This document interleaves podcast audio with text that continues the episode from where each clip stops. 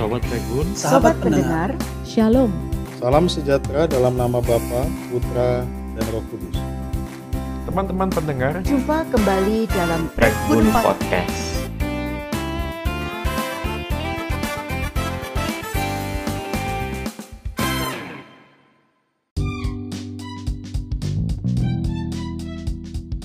Halo teman-teman pendengar Prebun Podcast. Hari ini kami uh, Prebun Podcast bersama-sama dengan dua narasumber dan kita akan ada di episode yang berjudul Mengelola Usaha di Tengah Pandemi. Mungkin sebelumnya boleh perkenalan terlebih dahulu ya dengan dua narasumber kita. Silakan Pak, boleh siapa duluan? dimulai dari yang tua dulu. Silakan, Nama saya Willy Hartono. Saya jemaat GKI Pregolan Bunder. Sudah lama sih berjemaat di sana, anak buahnya Pak Himawan. Itu aja atau ada yang lain Pak Himawan? Mungkin boleh diceritain dikit Pak usahanya apa? Ah, usaha saya luar biasa di, dipercayakan oleh Tuhan. Ada tiga bidang usaha saya. Satu di bidang kesehatan, di bidang klinik. Itu untuk sklerosis, khususnya sklerosis dan back pain. Ada di Surabaya satu, ada di Jakarta satu. Kemudian yang kedua, mesin es. Saya Mesin biasanya import mesin es, trading gitulah dari Cina, dari UK atau dari Jerman, kemudian dijual di Indonesia. Kemudian yang ketiga, saya dipercayakan Tuhan juga membuat kapal. Saya punya galangan kapal ada di Samarinda. Kira itu dulu Baik. perkenalan singkatnya. Pak Jaya, silakan. ya saya sambung. Nama saya Jaya Kusuma. Saya saya ini sebetulnya baru jadi pengusaha mandiri. Dulunya saya lama di kerja sebagai karyawan profesional. Ya lebih dari 20 tahun saya itu di anu apa korporasi. Jadi setelah itu saya selesai dan kemudian Tuhan memberi kesempatan untuk merintis usaha. Dan selain itu juga orang tua juga ninggali usaha. Jadi tapi saya lebih seneng rintis usaha sendiri. Atas anugerah Tuhan saya bisa anu apa diberi kesempatan mengelola usaha di bidang makanan, beberapa restoran dan juga ada di usaha plastik injection. Kemudian ada ini rekanan rekanan yang baju merah ini ini rekanan usaha saya juga ini. Eh, di bidang yang atos-atos ini di aluminium frame. Wow, menarik. Jadi ada dua bidang usaha yang ya dua pelaku usaha yang cukup banyak berbeda bidang usahanya menarik akan jadi uh, narasumber yang baik bagi teman-teman yang mendengarkan. Saya kepengen tahu nih, ini kan kita masih masa pandemi dan meskipun ini kita rekam pada bulan eh, awal Juni dan sudah banyak ramai tentang new normal dan lain sebagainya. Tapi sepertinya juga masih panjang khususnya di Surabaya. Nah, tapi kalau boleh tahu bagi Pak Weli dan Pak Jaya sebagai uh, pengusaha, kira-kira kesulitan apa ya? Tantangan apa yang dihadapi di masa pandemi seperti ini? Khususnya ini yang saya ingin tahu adalah sebagai seorang anak Tuhan, sebagai seorang murid Kristus, ada nggak ya yang spesifik, yang paling sulit lah satu atau dua gitu? Gimana? Boleh siapa dulu nih?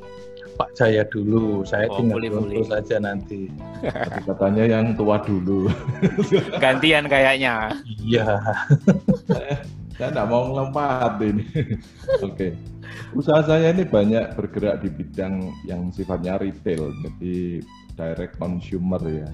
Dan usaha ini berbasis makanan. Seperti kita ketahui bersama, memang krisis ini menghantam cukup keras eh, sektor makanan. Orang jadi takut untuk beli.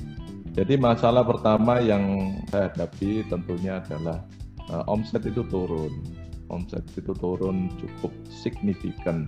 Kalau mengikuti definisi global di atas 25% itu adalah level terberat atau katastrofi namanya.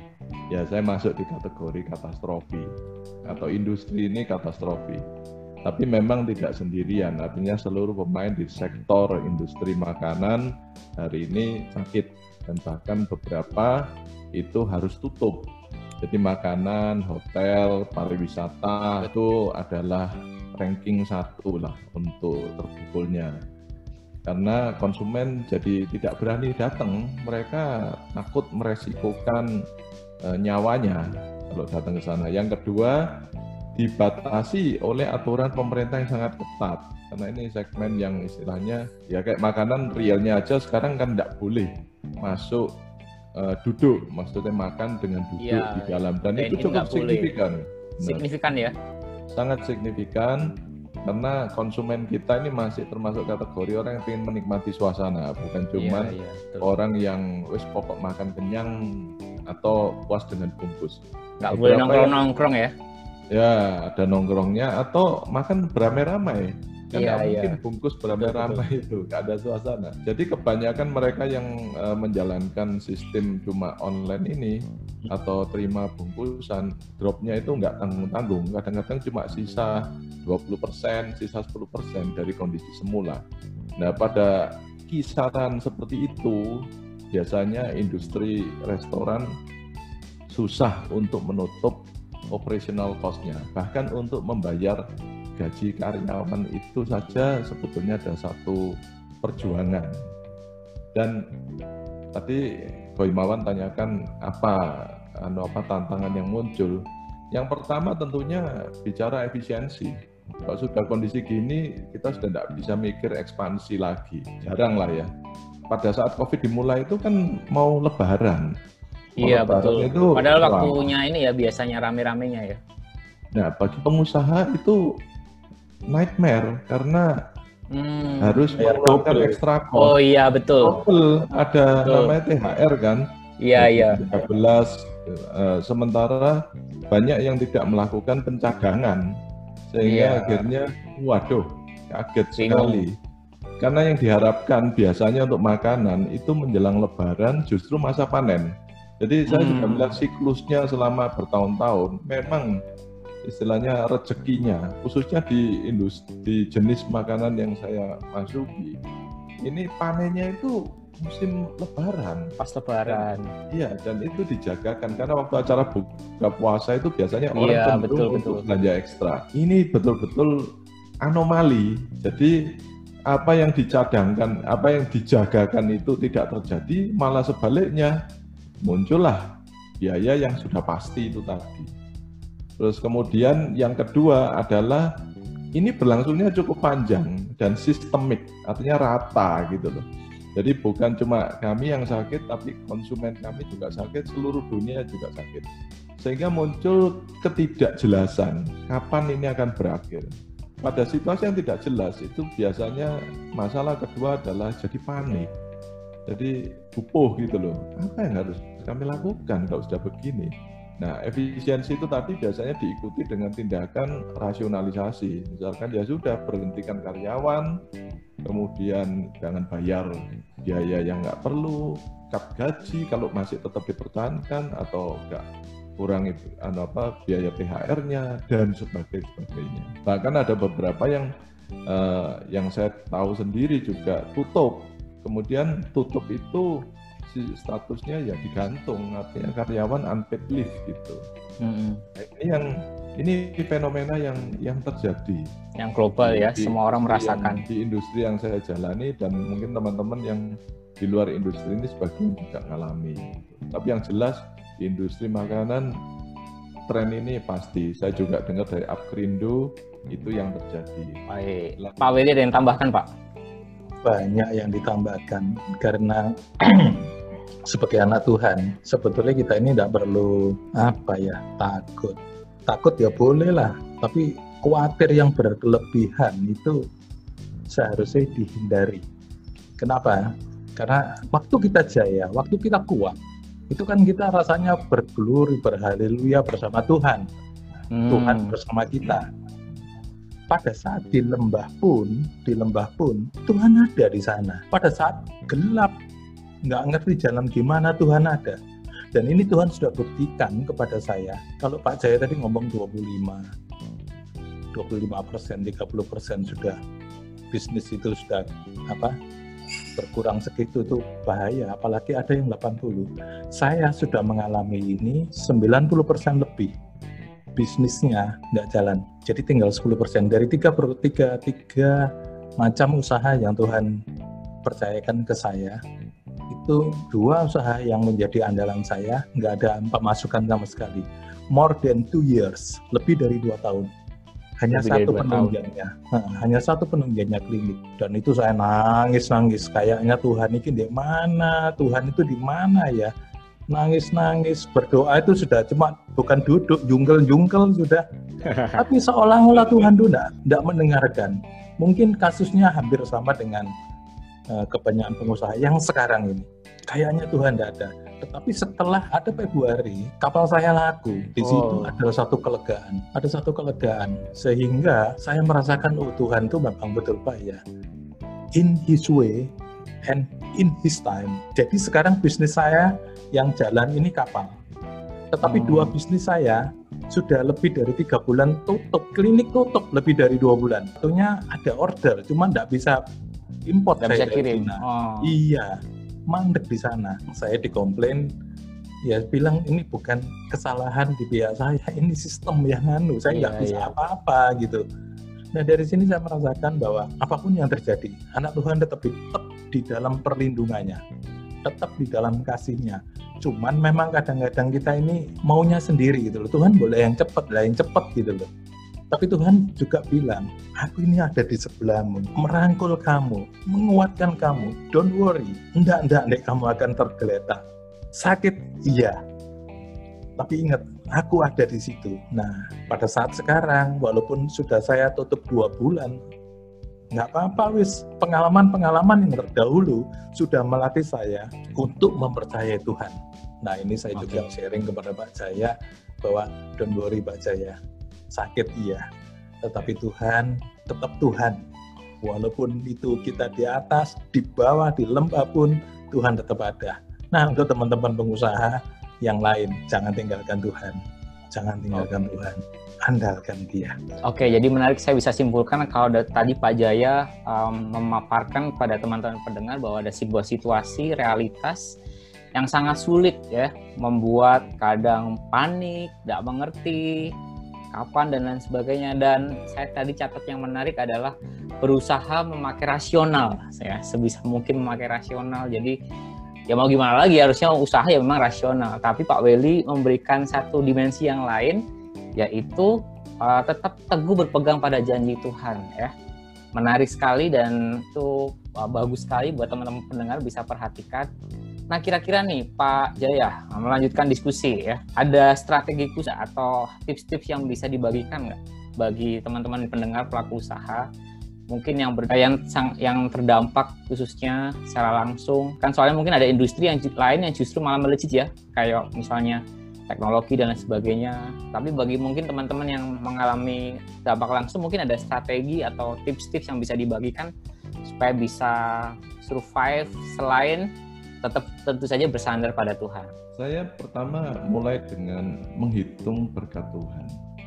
Jadi bagaimana Tuhan itu begitu baik menyertai di setiap pergumulan yang ada. Tadi Pak Weli sudah berbagi, eh, saya juga terberkati dari apa yang Pak Weli eh, saksikan itu. Dan bukan dari kesaksian hari ini, tapi saya saya lihat proses yang Pak Weli alami juga. Karena diam-diam saya juga ngelihat bagaimana reaksinya beliau di dalam deraan masalah seperti itu. Tapi saya juga punya pengalaman hidup waktu ya, saya ingat ada masa-masa sulit ya di dalam uh, apa kehidupan. Misalkan tahun 98 ya. Itu saya alami kengerian juga. Pada saat itu saya ingat saya nyetir dari Pandaan ke Surabaya dan di sana juga sempat uh, ada gerombolan orang lempar dan sebagainya. Saya juga mengalami masa masa-masa pergolakan ya politik gitu. Kemudian 2008 juga ada kesulitan, anu apa, krisis, kemudian juga ya ada banyak badai kehidupan yang terjadi. Karir naik turun juga sudah sempat saya alami.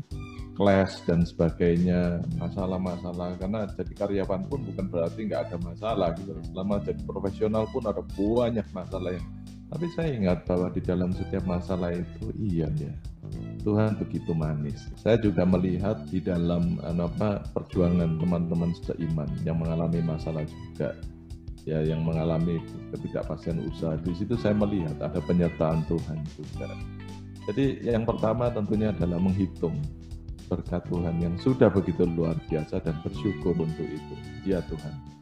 Kalau Tuhan sudah bisa sejauh ini menuntun saya melewati masa-masa seperti itu, saya tetap punya harapan karena Tuhan pasti memberi kekuatan untuk menghadapi masa-masa ke depan. Jadi meletakkan harapan kepada Allah yang setia, Tuhan yang peduli dan setia. Nah, itu kemudian saya ingat salah satu ayat pegangannya adalah uh, Filipi 4 ayat 6 itu. Janganlah hendaknya engkau khawatir tentang apa pun juga, tapi nyatakanlah dalam segala hal permohonanmu kepada Allah dalam doa dan permohonan dan ucapan syukur.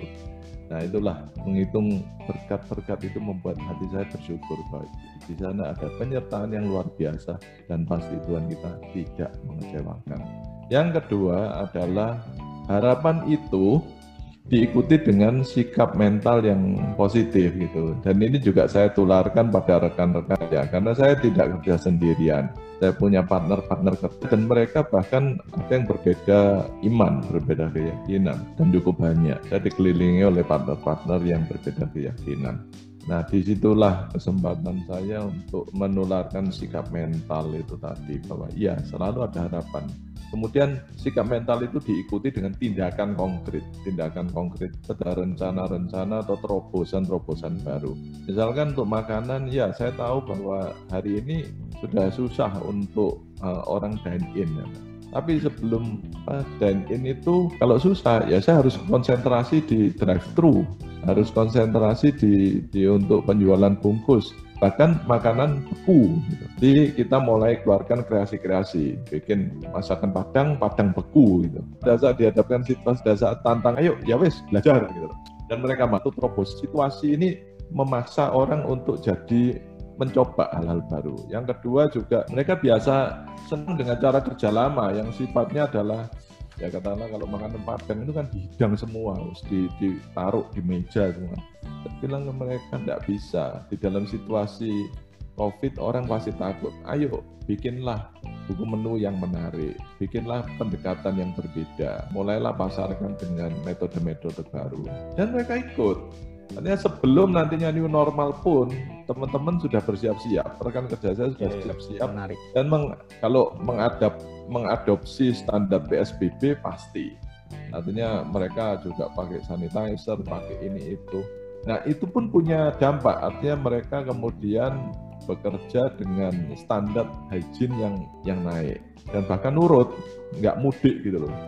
Banyak yang uh, ya semuanya kita terapkan peraturan bahwa jangan sampai saling mengontaminasi.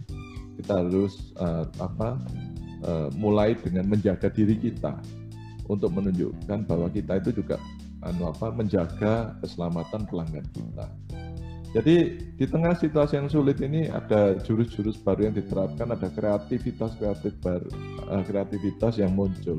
Yang pasti sikap mental dan action, diikuti action itu adalah satu blessing in disguise menurut saya. Sesuatu yang dulunya tidak pernah bisa dilakukan karena banyak resistensi, tapi dalam situasi sekarang, wah jadi welcome semua gitu. Mereka mau melakukan. Nah, itu jadi muncul peluang-peluang yang baru ya. Betul. Dan mereka juga mulai tertarik dengan ayo belajar sosmed, pasarkan bisnis dengan cara baru. Makanya ada hal-hal yang saya tidak bayangkan, bahkan saya skeptis gitu loh dulu. Waduh, kok sulit mengajak mereka di ini itu. Hari ini ya, ya. sangat kondusif dan bahkan mereka melihat oh ya, tidak tidak salah gitu loh. Karena saya dikelilingi oleh orang-orang yang beda keyakinan juga. Mereka pastinya melihat gitu loh. Wah ini move-move apa yang dilakukan? Apakah ada godaan untuk melakukan tindakan-tindakan seperti yang lazimnya dilakukan oleh hmm. pengusaha-pengusaha yang kepepet? Hmm. Nah, saya juga share ke mereka, enggak. Kita lihat apakah kita masih kuat pasti. Cuma di awal saya sudah minta mereka mari kita berpikir jangka panjang. Artinya misalkan kayak THR ya.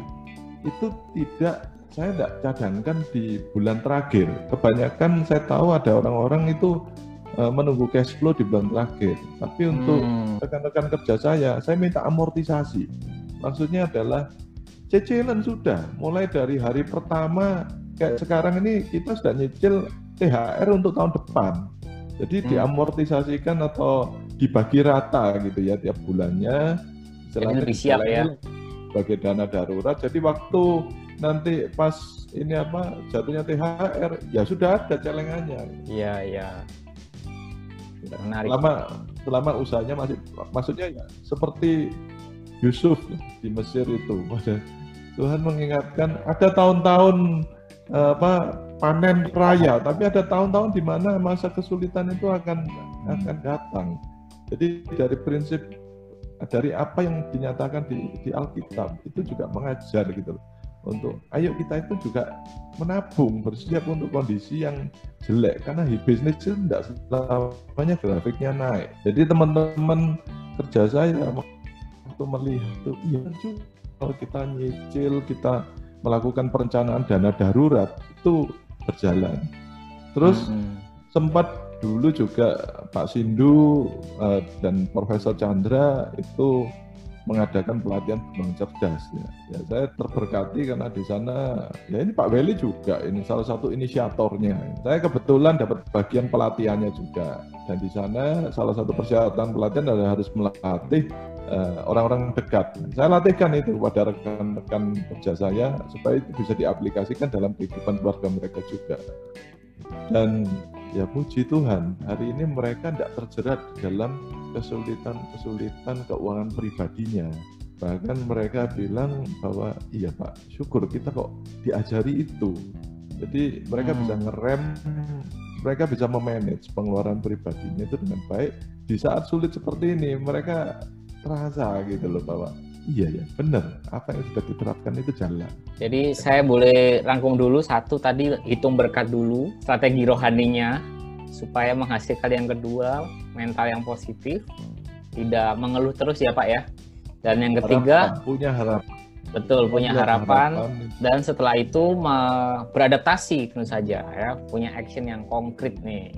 Yang menarik sekali malah justru bagi kita yang sebagai seorang murid Kristus kita dilihat responnya bagaimana bagi orang-orang di sekeliling kita ini poin yang sangat penting sekali bagi teman-teman pendengar Pak Willy mungkin ada yang mau ditambahkan Iya, kita ini sebagai anak Tuhan, kita ada ada dua hukum yang harus kita turuti. Satu hukum pemerintah itu sendiri, kemudian satu lagi hukum Allah. Nah, hukum Allah kita sudah tahu apa dan tertuang di dalam Alkitab. Dan itu sebetulnya hukum Allah itu inline dengan hukum sekuler.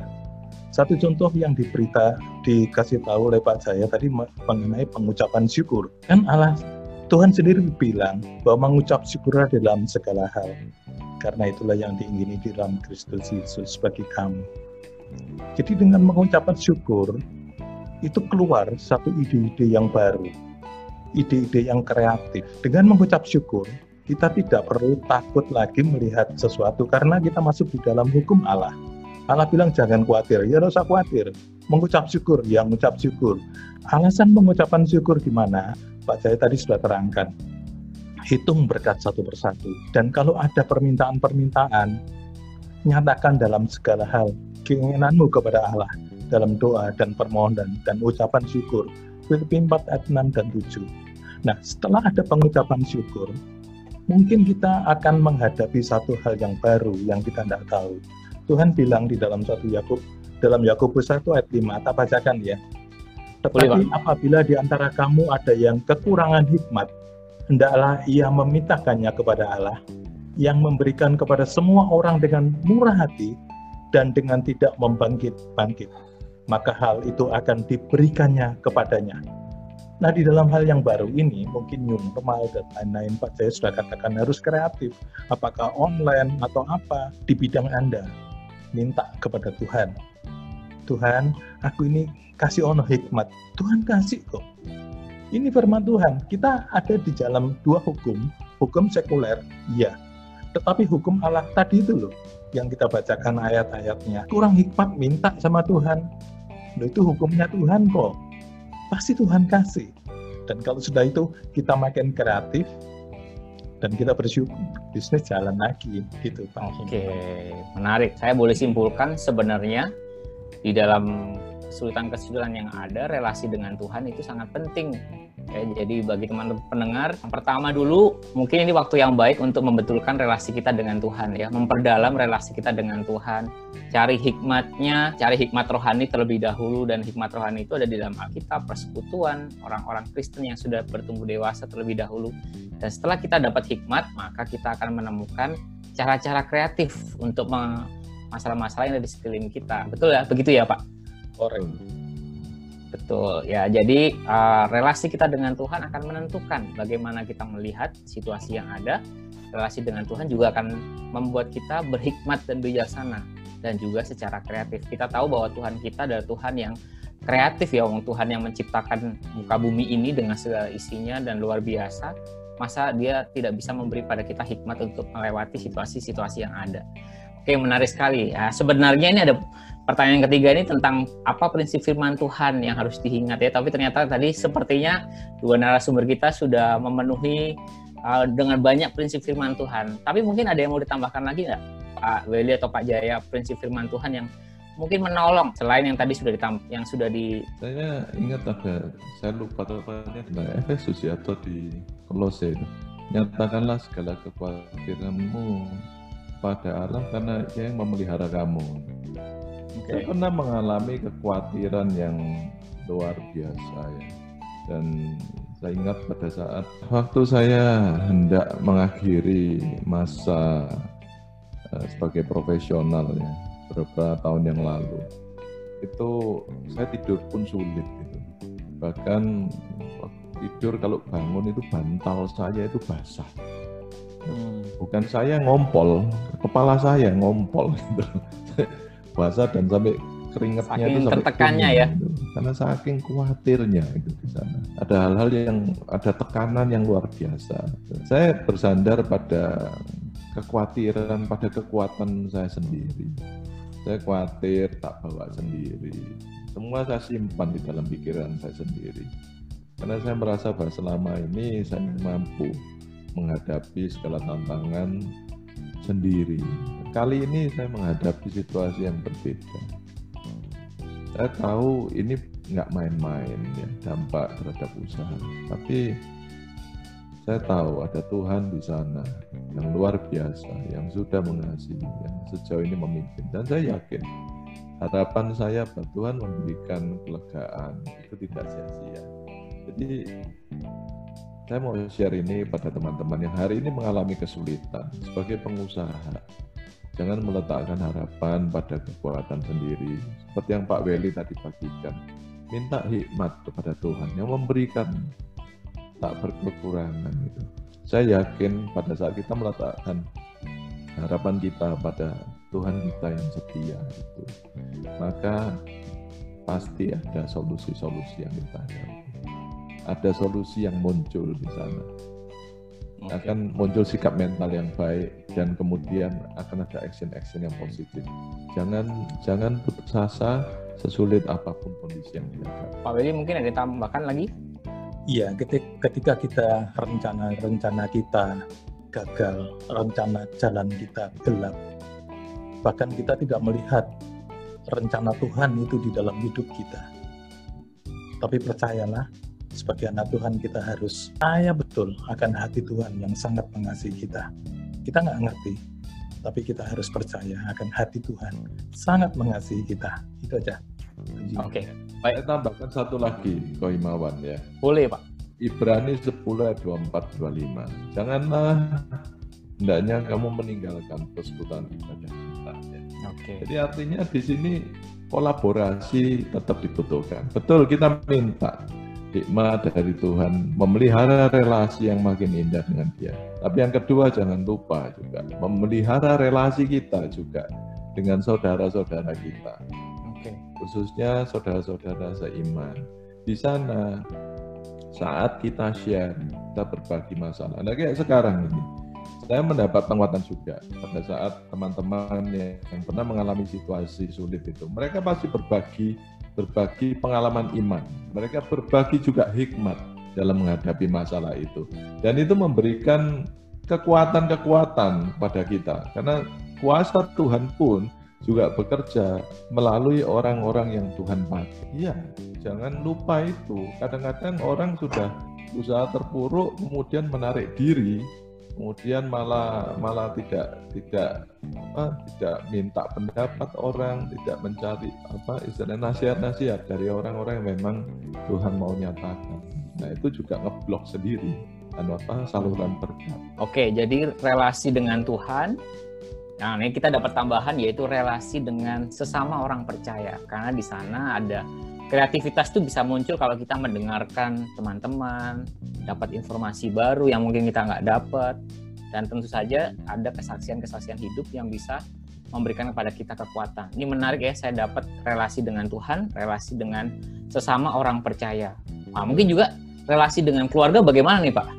kan mungkin ada uh, teman-teman di luar sana yang sedang mendengarkan dan ketika usahanya melelahkan atau sulit relasi keluarga jadi terganggu mungkin ada tips nggak bagi teman-teman juga kalau dengan keluarga memang itu ada satu ini apa sedikit banyak pasti terimbas lah.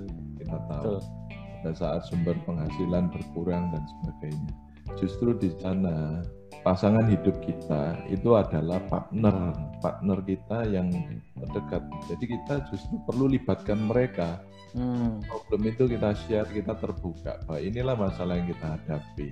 Kita ajak bersama-sama untuk minta hikmat dari Tuhan dan juga berkomunikasi lebih dekat justru.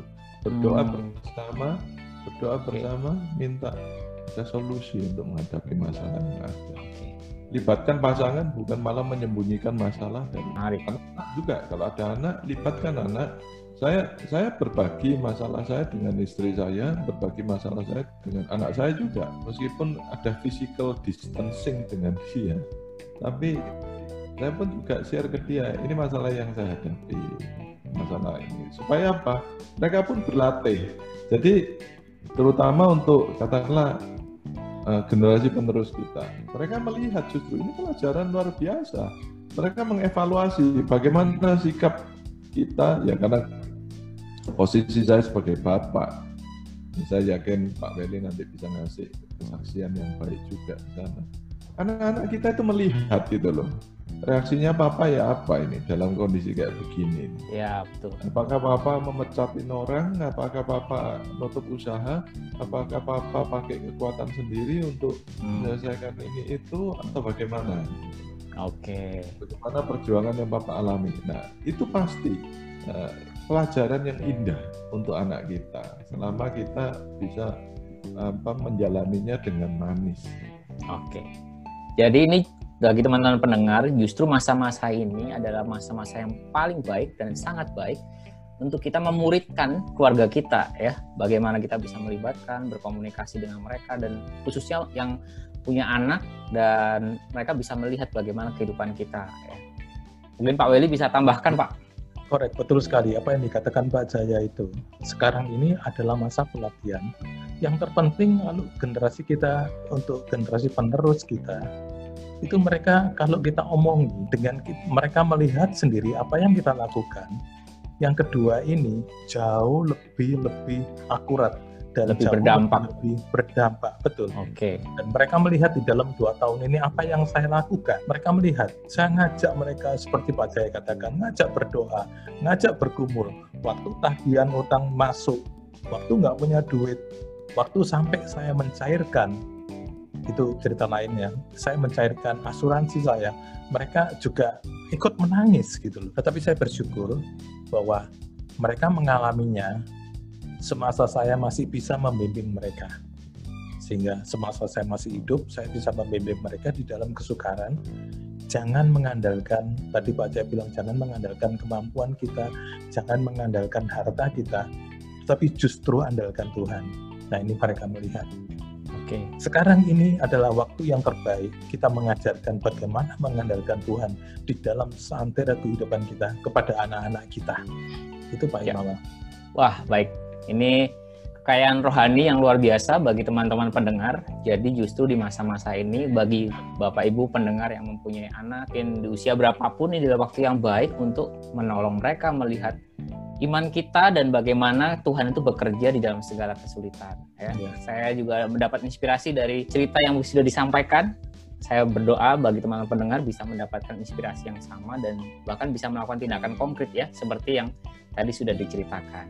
Oke, terakhir Nah, ini pertanyaan terakhir. Tadi kita sudah banyak bicara tentang bagaimana kesulitannya, strateginya, dan saya menemukan yaitu relasi dengan Tuhan, relasi dengan sama orang percaya, dan khususnya juga relasi dengan keluarga. Nah, ada enggak Pak tips atau ide atau panduan yang praktis yang bisa ditangkap baik oleh para pengusaha atau juga para uh, profesional di masa-masa pandemik atau bahkan nanti sesudah pandemik ini berakhir. Hmm, kita nggak tahu kapan ya, tapi ada tips atau ide yang lebih konkret atau yang lebih spesifik yang mungkin bisa ditangkap. Kalau dari saya ya tadi itu hikmat itu.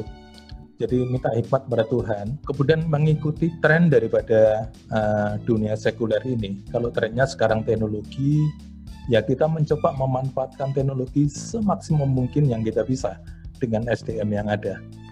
Jadi apakah perubahan-perubahan yang ada banyak baca lah, jangan jangan banyak nonton film, banyak hmm. baca, banyak tahu keadaan di luar, kemudian diskusi dengan teman-teman yang sesama positif, yang mempunyai pemikiran yang sama.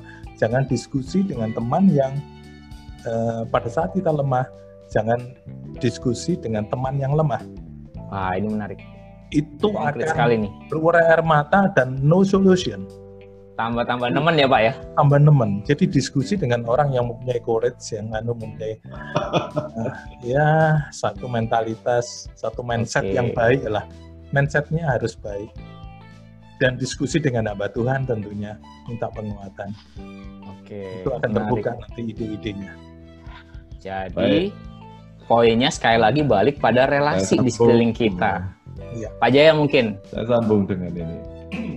ya tadi Pak Bedi sudah buka dengan uh, jangan terlalu banyak nonton drakor ya, ataupun dracin atau apa. Saya kira praktisnya begini, teman-teman harus jaga stamina. Maksudnya tetaplah berolahraga, tetaplah beraktivitas ya itu tidak harus mahal. Kalau mau jalan kaki pakai masker itu tetap baik. Itu untuk memelihara fisik kita. Karena mensana incorpore sano pasti. Yang kedua tetap yaitu tadi jaga relasi dengan Tuhan dengan uh, saudara-saudara seiman perkuat relasi dengan Tuhan. Nah belajarlah hal-hal baru krisis ini justru membuka peluang kita. Kita punya banyak waktu, ya kan? Kita dibatasi aktivitas kita, kita nggak boleh keluyuran dan sebagainya. Pakailah waktu itu untuk menyerap ilmu-ilmu baru. Tadi bisa membaca, tapi kalau Anda punya misalkan uh, fasilitas untuk online, banyak media pembelajaran di YouTube, di online, belajar hobi baru. Saya pakai waktu saya juga untuk Eh, potensi potensi yang Tuhan kasih di sana. Mungkin saya tidak bisa jadi katakanlah uh, penyanyi yang terbaik, tapi paling enggak kalau jadi penyanyi yang lumayan kenapa enggak gitu ya kan? Wah, Atau saya bikin album. Tidak pernah bisa ada apa itu contoh ya dan anda suka melukis ya kenapa enggak ada kebanggaan ya, ya. bakat melukis atau anda bikinlah podcast yang menarik belajarlah tentang podcasting belajarlah tentang YouTube banyak ya, kesempatan di dunia ya. online. Kalau skillnya ditambah. Uh, jadi reskilling ya. Kalau yeah. dulu Anda punya skill apa, jangan kemudian tetap mengandalkan skill yang sama, tapi upskilling, reskilling, redefine banyak kesempatan baru.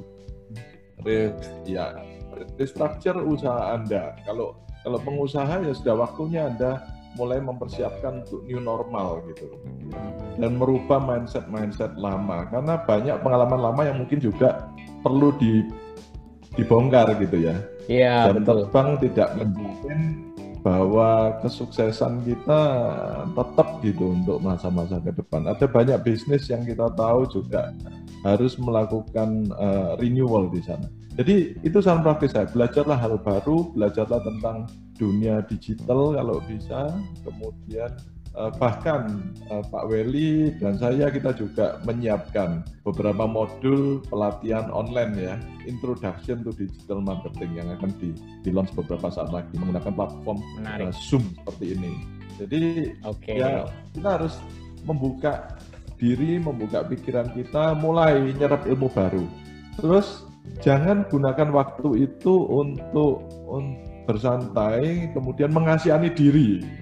Ya tadi yang uh, Meli sudah singgung itu akan menarik kita ke dalam pusaran negatif. Jadi akhirnya malah mengasihani diri dan tidak ada solusi.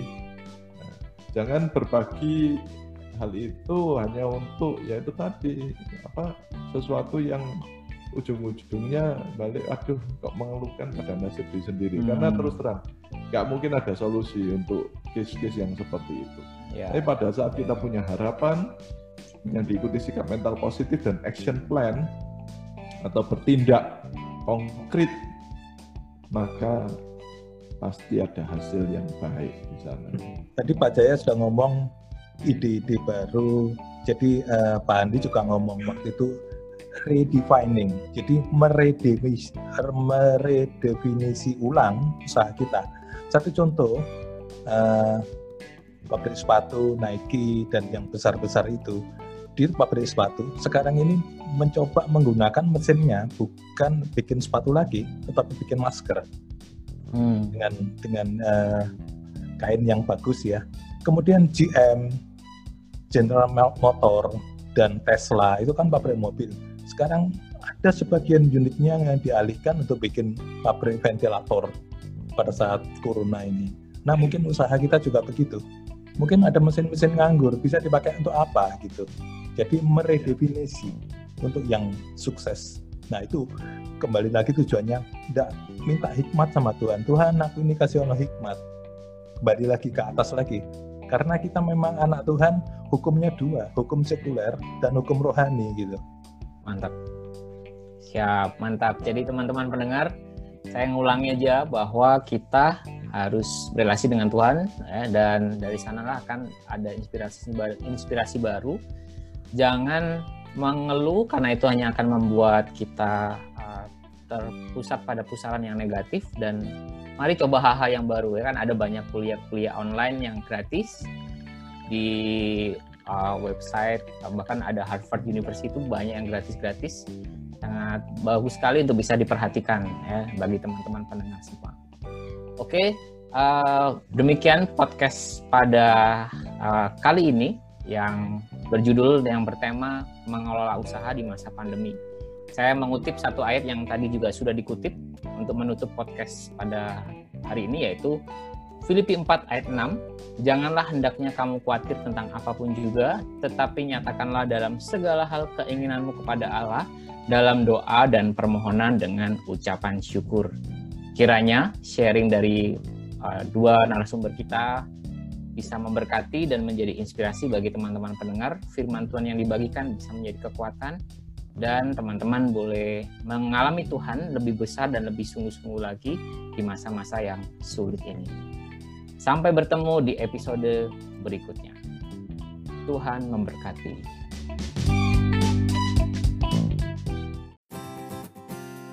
Teman-teman pendengar, terima kasih karena sudah mendengarkan podcast ini.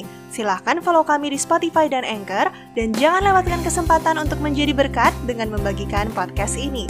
Jangan lupa juga untuk follow akun Instagram at Podcast untuk mendapatkan update dan juga berdiskusi seputar topik-topik menarik lainnya. Jika teman-teman pendengar mempunyai pertanyaan, saran, atau butuh bantuan doa, bisa langsung chat atau DM kami melalui akun Instagram at Podcast. Sekian segmen kali ini, sampai jumpa di segmen-segmen selanjutnya. Tuhan Yesus memberkati.